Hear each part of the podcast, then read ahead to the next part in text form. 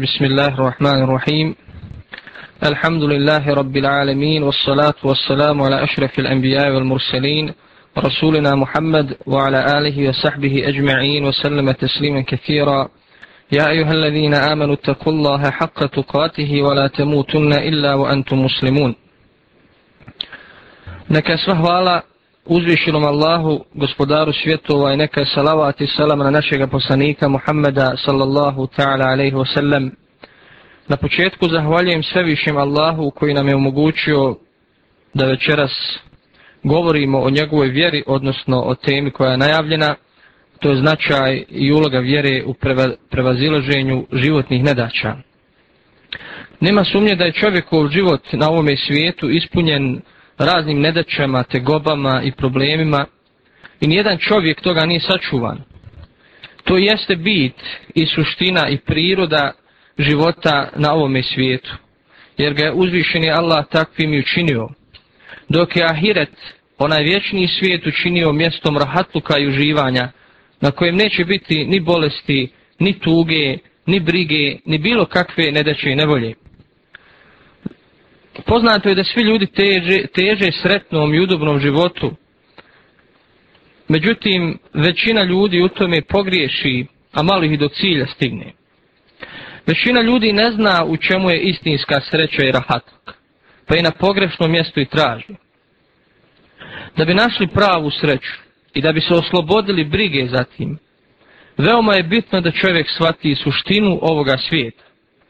Niko pa čak i nevjernici, ne sumnjaju da je ovaj svijet prolazan i da čovjek na njemu samo privremeno boravi.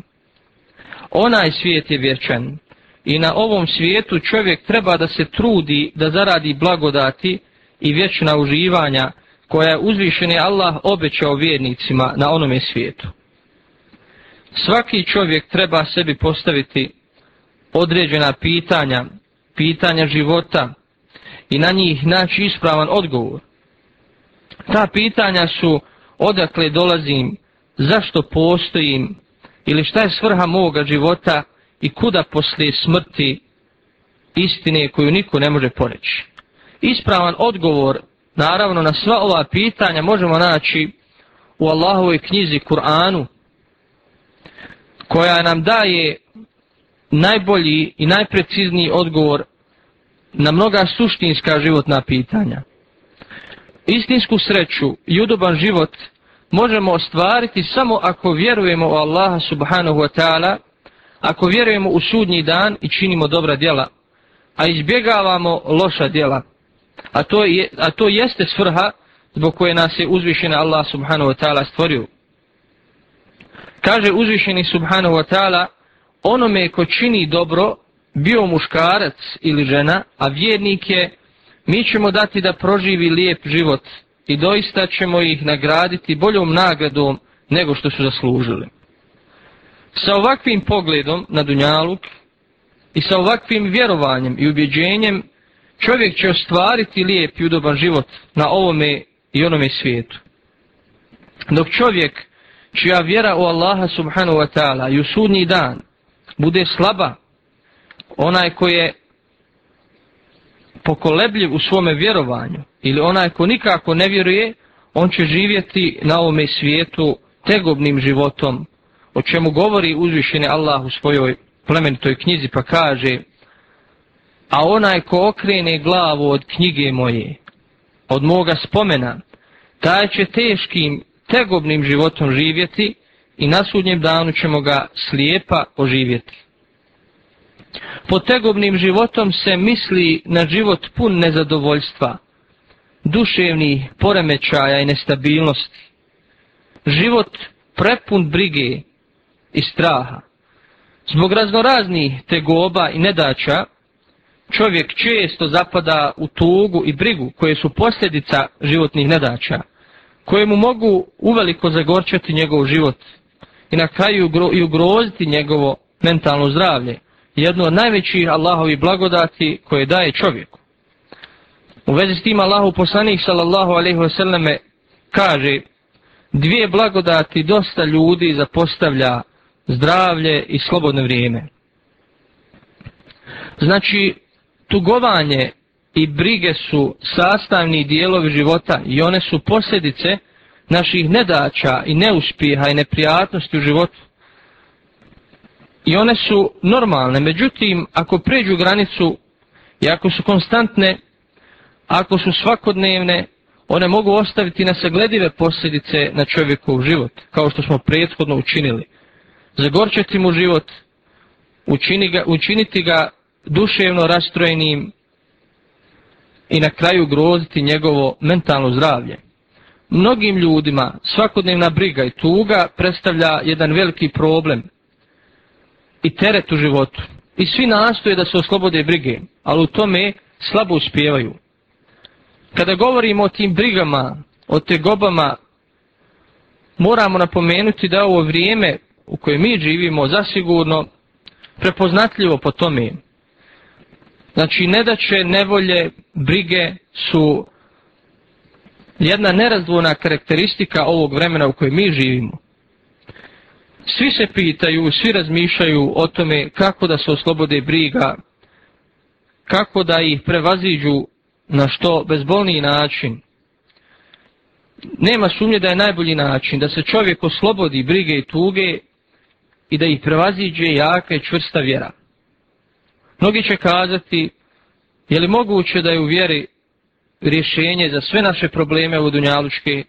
Je li moguće da nam vjera može pomoći u svemu? Naravno da je moguće ako gledamo na vjeru, na islam kao kompletan sistem ljudskog života koji ulazi u sve segmente, sve njegove segmente i naravno vjera kao univerzalna, jeli, univerzalan način života koji nam je uzvišen Allah spustio preko poslanika, ali i salatu nam rješava većinu ili veliku većinu naših problema. Zato statistički podaci pokazuju, recimo, da su simptomi mentalnih oboljenja kod osoba koje se dosljedno pridržavaju vjere slabije izraženi nego kod osoba kod kojih nema vjere ili koji se, koji se vrlo rijetko pridržavaju vjere. Kazali smo da je tuga, odnosno i briga, da su to posljedice životnih nedaća i neuspjeha. I normalno je da čovjek tuguje i da se brine. Tuga je duševno stanje čovjeka koju prouzrokuju određeni događaj i dešavanje u životu kao što je gubitak i metka, položaja ili dragih osoba, neuspjeh u školi, na fakultetu i tako dalje. I tuga se spominje u uzvišenom Koranu, kada uzvišen Allah subhanahu wa ta'ala kaže Mi reko smo, silazite iz njega svi. Od mene će vam uputa dolaziti i oni koji uputu moju budu slijedili, ničega se neće bojati i ni za čim neće tugovati. Sura El Bekara 38. ajet. Ovaj ajet, odnosno prijevod značenja ajeta, upućuje na to da kada da ko bude slijedio Kur'an i pravi put, neće tugovati na onom svijetu. Jer će zateći ono što će ga obradovati. Dok će nevjernici uveliko žaliti i tugovati jer su propustili jedinu priliku na Dunjaluku da odaberu pravi put i pokornost uzvišenom Allahu subhanahu wa ta'ala. Znači tuga je normalna pojava kod svakog čovjeka kada na ovom svijetu doživi određene poteškoće, neugodnosti, nedaće i neuspjehe. I najodobraniji Allahovi robovi, poslanici, alaihim salatu wasalam, su tugovali. Tako je poslanik Muhammed, a.s. salatu dugo tugovao što njegov narod nije htio da vjeruje. O tome uzvišeni Allah kaže, a zar ćeš ti od tuge svisnuti što oni neće da vjeruju? A Ikrime o, o tugi kaže, svako se raduje i tuguje, ali učinite radost zahvalom, a tugu strpljenjem. Znači svako tuguje, ali tuga je stanje koje vremenski treba biti ograničeno, jer ako duže potraje i postane konstantno, tada prelazi u jedan kompleksni problem. Islamski učenjaci su tugu podijeli na dvije vrste. Prva vrsta je tuga zbog gubitka ovo svjetske koristi. Svaki musliman treba da navikava svoju dušu da prekomjerno ne žali zbog gubitka neke ovo svjetske blagodati i koristi. Jer u suštini i ovaj svijet u odnosu na hiret ne vrijedi i ne predstavlja ništa, a u svakom slučaju čovjek je samo privremeni vlasnik onoga što posjeduje na ovom svijetu. Prema tome, nema za čim tugovati. Zbog toga bi čovjek trebao nastojati da što prije nadvlada ovu vrstu tuge. Normalno je da se ona pojavi kod čovjeka, ali ne smije biti konstantna i ne smije biti prekomjerna. Jedan od primjera ove vrste tuge je smrt Allahovog poslanika sallallahu alaihi sallam koja je teško pala i veoma rastužila shabe, prije svega Ebu Bekra i Omera, koji su otišli kod Ummu Eimen i kada su stigli kod nje, počela, i ona je počela plakati. Zašto plaćeš, upitali su je. Ono što je kod Allaha bolje je za poslanika. A ona im odgovori, tako me Allaha ne plaćujem zbog toga što ne znam da je to tako, nego zbog toga što je objava prekinuta. Nakon toga su i njih dvojica zaplakali. Znači, ako je bilo koja vrsta tuge dugotrajna, može izazvati teža, znači, psihička oboljenja i može čovjeka baciti u depresiju i be, beznađe. Druga vrsta tuge je pohvalna i preporučljiva, a to je tugova, tugovanje zbog nekog propusta u vjeri, zbog e, stanja vjere i vjernika ili zbog prekidanja nekog dobra kojeg smo činili ili kojeg smo imali. Međutim, ni ova tuga ne smije biti prekomjerna jer može odvesti čovjeka u očaj i lijenost. Primjer ove tuge je smrt. Allahovog, znači poslanika, ali salatu wasalam, ili kao i ovom primjeru prethodnom, koja je ražalostila shabe, ali oni nisu pali u očaj i beznađe, nego su i dalje nastavili e, pravim putem i nastavili su da čine dobro. Nameće se jedno veoma bitno pitanje, a to je pitanje kako i na koji način vjerom prevazići posljedice ovodunjaličkih nedača, neuspjeha i tako dalje, nema sumnje da je na prvom redu jedan od najvažnijih uvjeta da bi prevazišli te nedaće uspješno i što bezbolnije jeste čvrsto vjerovanje. Znači čvrsto vjerovanje je najbolja preventiva prije svega i lijek za tugu i za brigu, a naročito ako su one prouzrokovane vanjskim uzrocima. Uzvišen Allah subhanahu wa ta'ala je svoje milosti učinio Kur'an lijekom i za dušu i za tijelo.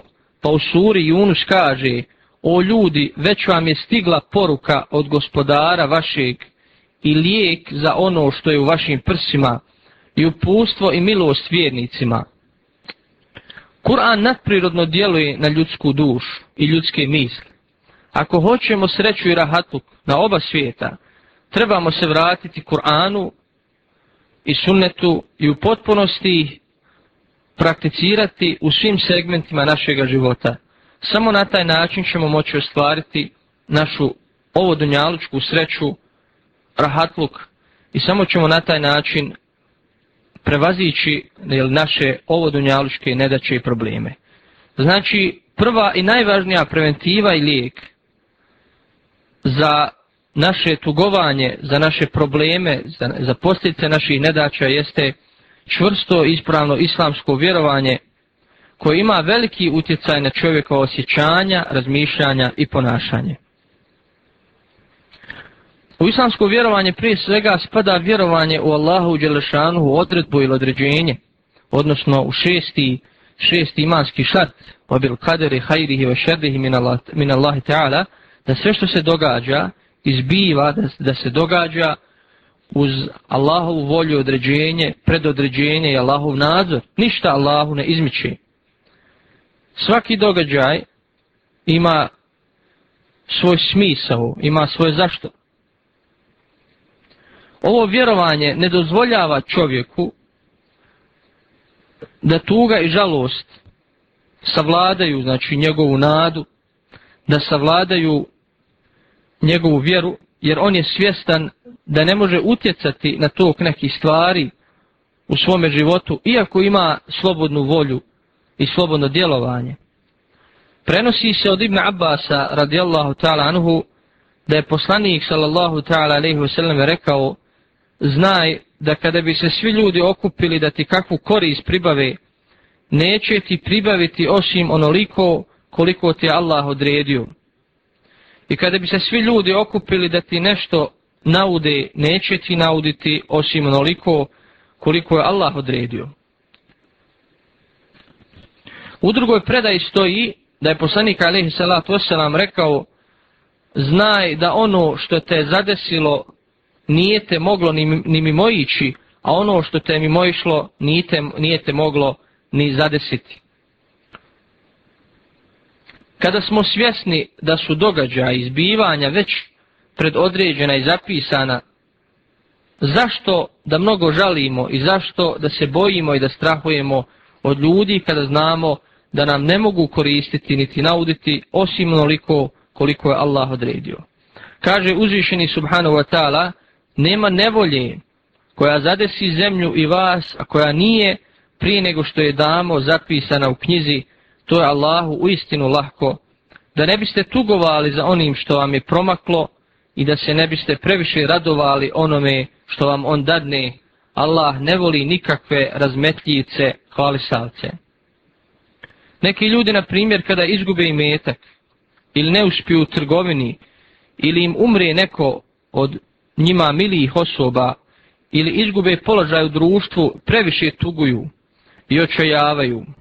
Da su sve ovo prihvatili kao iskušenja koja je uzvišene Allah odredio i kojima ih iskušava, ne bi prekomjerno tugovali i očajavali, a na to se odnose i riječi uzvišenog Allaha subhanahu wa ta'ala, da ne biste tugovali za onim što vam je promaklo. I s druge strane, čovjek ne treba da se previše raduje tog onoga što mu Allah da, jer to može odvesti nezahvalnosti i oholosti i zaboravljanju onoga svijeta, a uzvišeni Allah kaže i Allah ne voli ni gordog ni hvalisavog. Znači umjerena radost i veselje zbog onoga što postignemo od ovodunjalučkih blagodati čini nas poniznim i daleko svake hvalisavosti i oholosti, a u isto vrijeme čovjek treba da zna da prekomjerna radost zbog blagodati prouzrokuje prekomjernu žalost kada te blagodati nestanu. Ako smo toga svjesni, onda ćemo svaku nedaću prihvatiti sa umjerenim emocijama, znajući da je to Allahova odredba. Ako sa umjerenim emocijama prihvatamo nedaće i radosti, onda ćemo živjeti jednim smirenim i uravnoteženim životom. Također jedna od stvari koje su posebno značajne u prevazilaženju životnih nedaća jeste vjerovanje u sudnji dan, odnosno vjerovanje u polaganje računa i u proživljenje. Svaki vjernik koji čvrsto vjeruje u sudnji dan svjestan je da je ovaj svijet njegovo privremeno boravište i da zbog toga i ne vrijedi, jer ono što je prolazno i što ćemo sigurno izgubiti bez obzira koliko se cijeni u suštini ne vrijedi. Kada vjernik izgubi sebi dragu osobu, on je ubijeđen da će se sa njom ponovo sresti na onome svijetu, ako je ta osoba vjernik. Osoba koja je ubijeđena u onaj svijet gleda na dunjalu kao nešto što nema nikakve vrijednosti Pa ako izgubi dio ovo dunjalučki blagodati, ne pada u očaj depresiju, jer zna da je Allah pravi vlasnik svega. U vezi sa bezvrijednošću dunjaluka Allahu poslanik sallallahu alaihi ve selleme je rekao da ovaj svijet kod Allaha vrijedi i koliko je krilo mušice, nevjernik na njemu ne bi popio ni gutljaj vode. Jedan od najboljih dokaza i primjera da vjerovanje onaj svijet umanjuje tugu je slučaj smrti Ibrahima, poslanikova sallallahu alaihi vseleme sina. Kada Ibrahim umro Allahu poslanik sallallahu alaihi vseleme je povodom toga rekao Oko pušta suze i srce tuguje, ali nećemo govoriti ono što gospodara srdi, da nema istinskog obećanja i da jedni druge ne pratimo, odnosno ne umiremo, zato bom bi Ibrahime uveliko tugovali. hadis bilži Buharija, Muslim, Ebu Dawud od Denesa, radijallahu ta'ala anu. Također od stvari koje su značajne i bitne u prevazilaženju životnih tegoba i nedaća jeste vjerovanje, odnosno ispravno vjerovanje u značenje Allahovih lijepih imena i njegovih savršenih svojstava. To je kako ima utjecaja u pravilnom razumijevanju određenih događaja u našem životu, što ćemo vidjeti iz sljedećih primjera. Vjerovanje u Allaha Đelešanu u imena i svojstva nije samo teorija. Nije samo bitno znati Allahova imena i svojstva, nego vjerovanje koje, to je vjerovanje koje ostavlja dubok trag i utjecaj u našem svakodnevnom i praktičnom životu. Pravi musliman čvrsto vjeruje da je Allah subhanahu wa ta'ala vladar, el melik, da je el hakim, da je mudar, da je el qadir, da je moćan, da je el mu'ti, onaj koji sve daje, i da je el mani, onaj koji, sve, onaj koji uskraćuje ljudima, i u sva druga Allahova imena i svojstva, koja potvrđuje Kur'an i sunnet.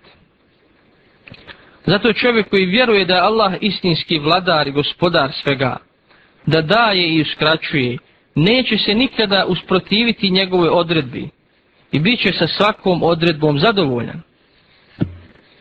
Onaj ko vjeruje da je Allah el hakim, mudar, i da su sve njegove odredbe utemeljene na mudrosti, da imaju svoj cilj i svrhu, bez obzira dok učio čovjek tu mudrost ili ne, sve Allahove odredbe će prihvatiti kao ono što je dobro po njega, bez obzira bila njegova duša s tim zadovoljna ili ne.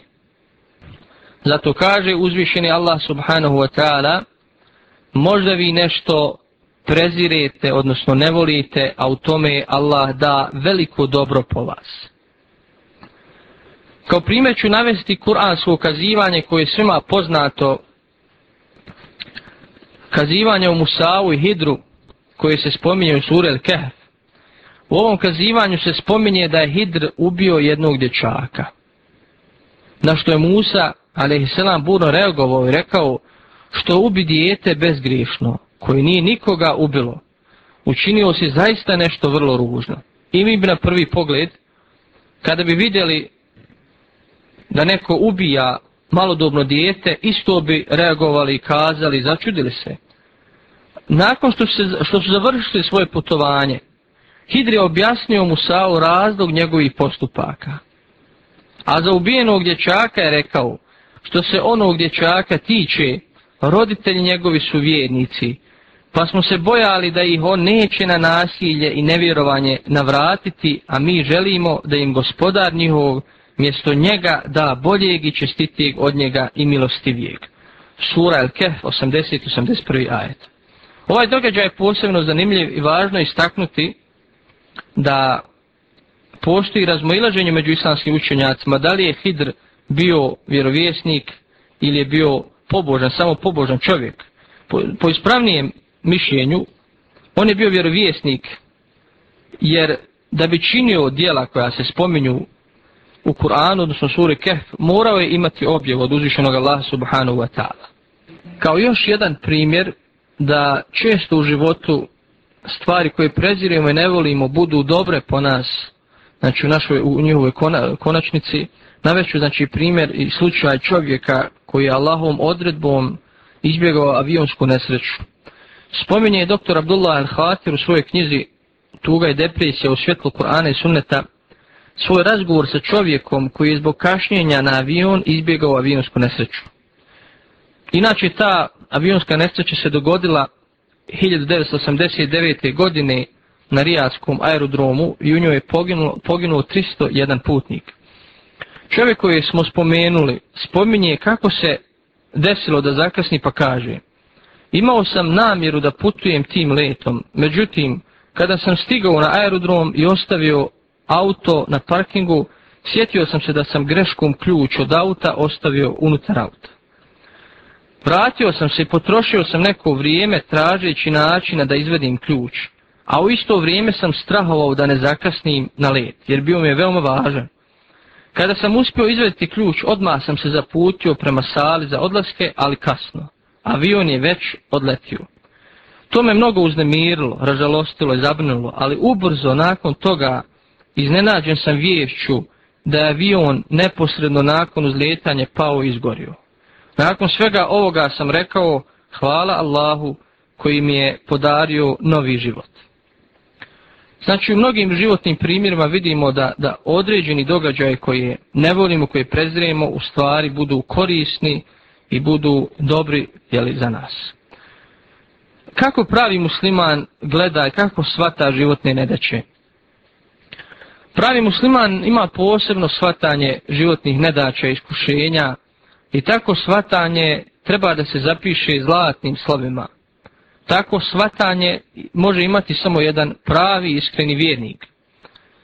A što se tiče oni koji na nedaće i nesreće ne gledaju ovako, oni žive tegobnim i mučnim životom.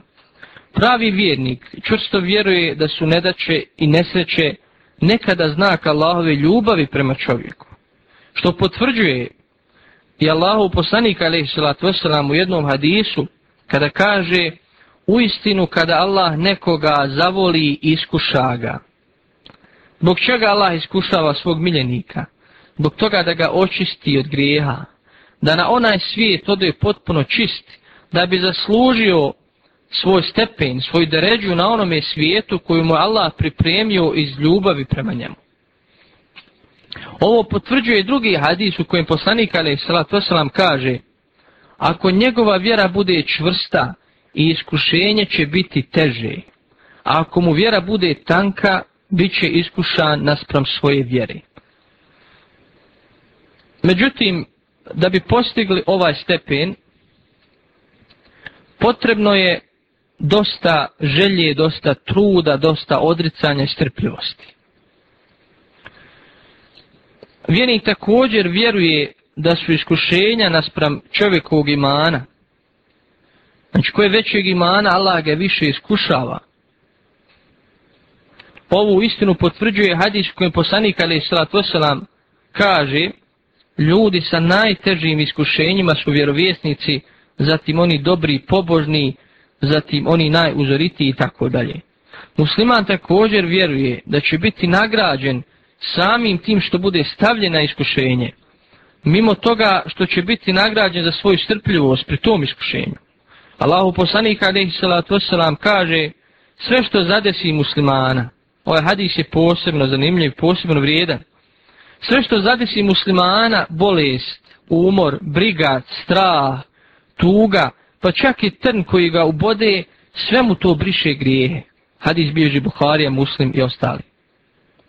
Znači ovaj hadis je posebno značajan, posebno je bitno da ga imamo na umu kod naših neugodnosti i nedača u svakodnevnom životu. Ako kod sebe uspijemo izgraditi ovako vjerovanje, zasigurno ćemo biti smireni i spokojni u životu, istinski ćemo se oslanjati na Allaha i bez ikakvog negodovanja prihvatati njegovu odredbu. Međutim, opet kažem da bi postigli ovaj stepen, potrebno je dosta želje, dosta truda i odricanja i strpljivosti. Jer ovakav stepen vjere, odnosno ovakvo gledanje i poimanje životnih nedaća, može se postići samo uz dosta odricanja, naravno uz Allahu Đelešanu pomoć.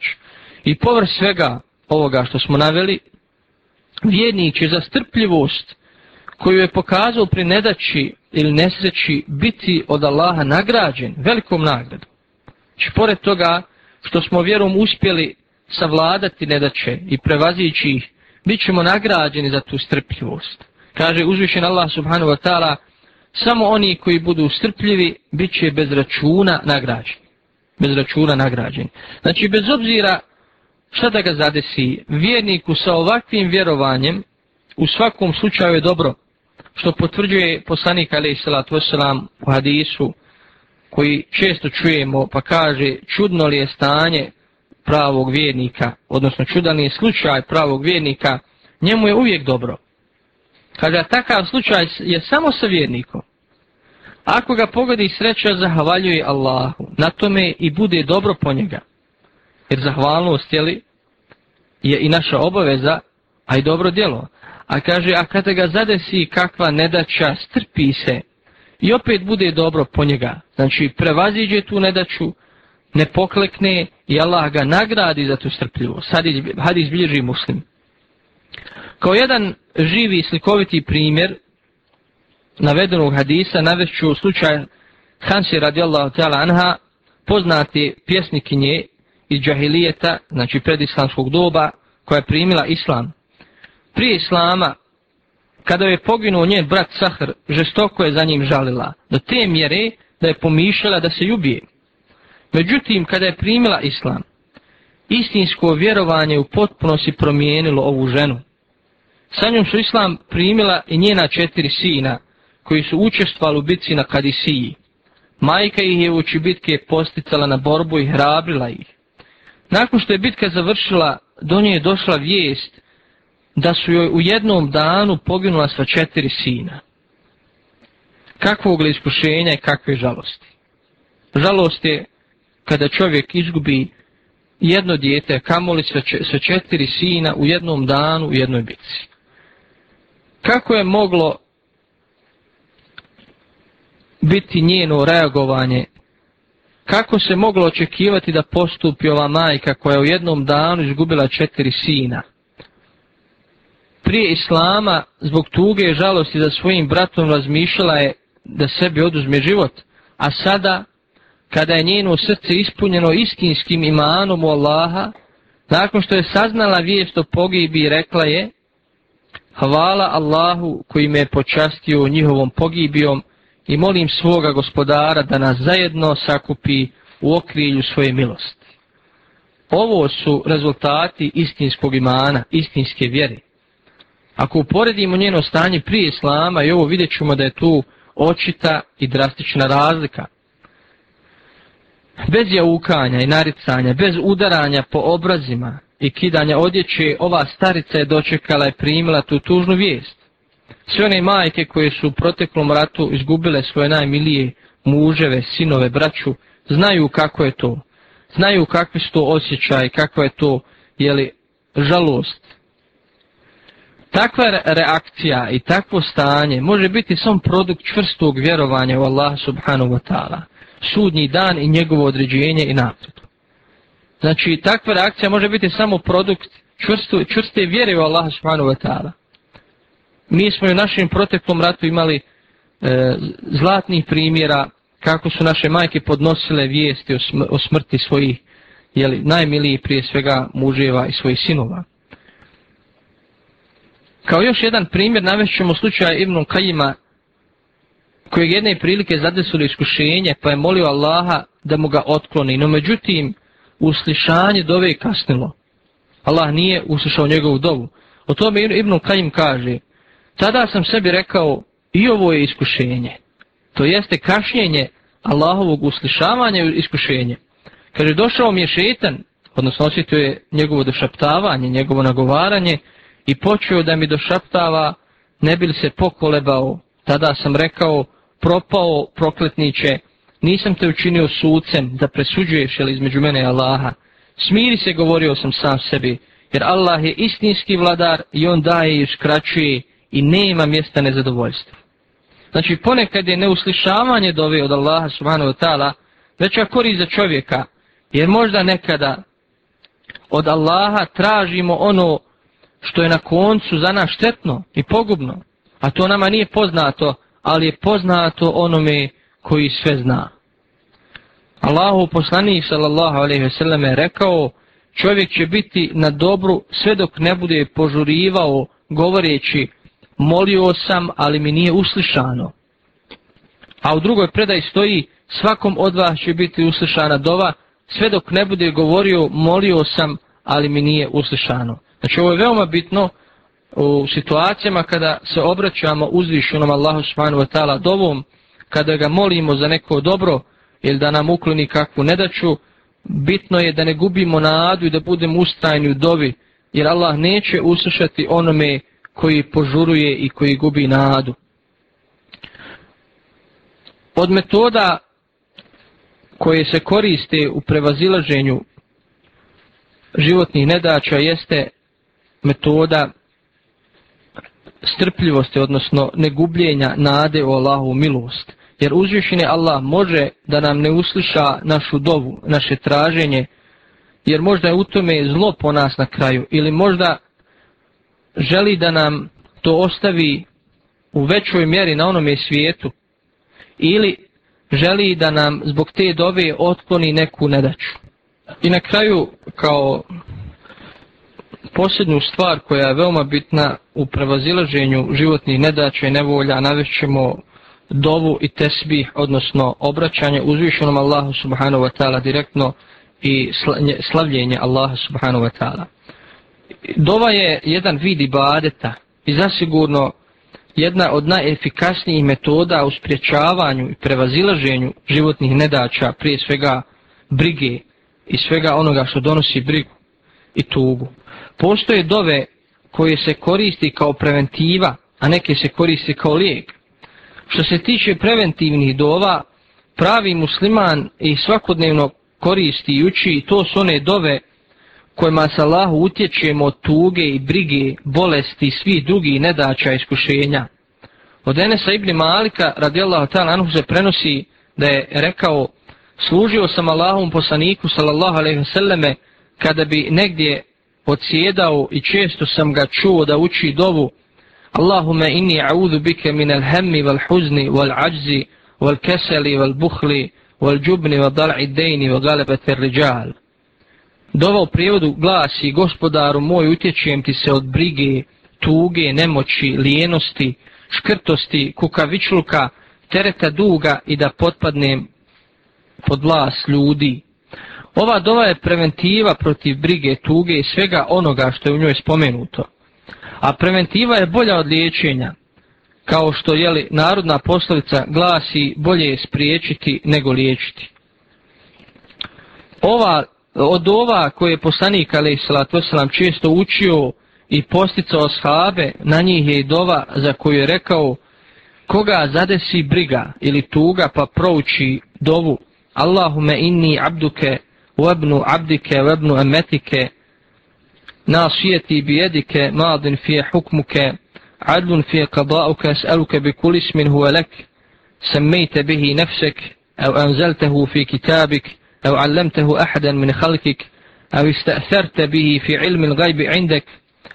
أن تجعل القرآن ربيع قلبي ونور صدري وجلاء حزني وذهاب همي. Kaže, ko proći ovu dovu, Allah i brigu i tugu i umjesto toga mu dati olakšanje. Hadis bilježi Ahmed u svome musnedu i hadis je vjerodostojan. Dova u prijevodu glasi Allahu moj, ja sam tvoj rob, sin tvoga roba i tvoje robinje, moj život je u tvojoj ruci, moja prošlost je tvoja presuda, pravedna je tvoja odredba prema meni, molim te svakim imenom kojim si sebe nazvao ili koje si objavio u tvojoj knjizi, ili, koji si, ili kojem si poučio nekog od tvojih stvorenja ili koje je kod tebe kao skriveno znanje zadržano, učini Kur'an radošću moga srca, svjetlo mojih grudi i razlogom nestanka moje brige i tuge. Znači ova dova se koristi nakon što nas zadesi briga ili tuga. I svakom muslimanu koji čusto vjeruje poslaniku, ali se to se nam riječi, Allah će mu ovom dovom otklonuti svaku brigu i svaku tugu. Kao što smo spomenuli, o stvari koje ublažavaju i otklanjaju brigu i tugu životne nedeće jeste i tespih ili slavljenje Allaha subhanahu wa ta'ala riječima subhanallah, subhanallah ili subhaneke. Kada je poslanik, poslanik sallallahu sellem postalo teško što su ga mušrici u laž utjerivali, uzvišen Allah je objavio mi dobro znamo da ti je teško u duši zbog onoga što oni govori Zato veličaj slavi gospodara svoga i hvali ga i seždu mu čini, sve dok si živ gospodaru svome se klanjaj. Znači ovdje je poslaniku a.s. naređeno da čini tespih. I Yunus a.s. kada je dospio utrobu kita, Allahu je putio dovu nevoljnika, La ilaha illa ente subhaneke inni kuntu mila zalimin. Nema Boga osim tebe, slavljen neka si, ja sam u istinu sebi nepravdu učinio. Postoje i mnoge druge poslanikove dove koje se koriste kao preventiva ili lijek za tugu, brigu i druge životne nedeće, a koje možemo naći u vjerodostojnim izbirkama dova, od kojih je prije svega najpoznatija dova Hisnul Muslim ili zaštita svakog muslimana. Ovim završili i molim uzvišenog Allaha subhanahu wa ta'ala da nam učusti našu vjeru našim srcima, da nas pouči našoj vjeri, da nam učini vjeru uh, razlogom naše sreće i rahatuka na ovome svijetu, da nam njome otkloni brigu i tugu i žalost i da svoju sreću i svoj rahatluk nađemo na onome svijetu, kulu kavli hada wa stakfirullah, ili velikum stakfiruh innahu vel gafur rahim.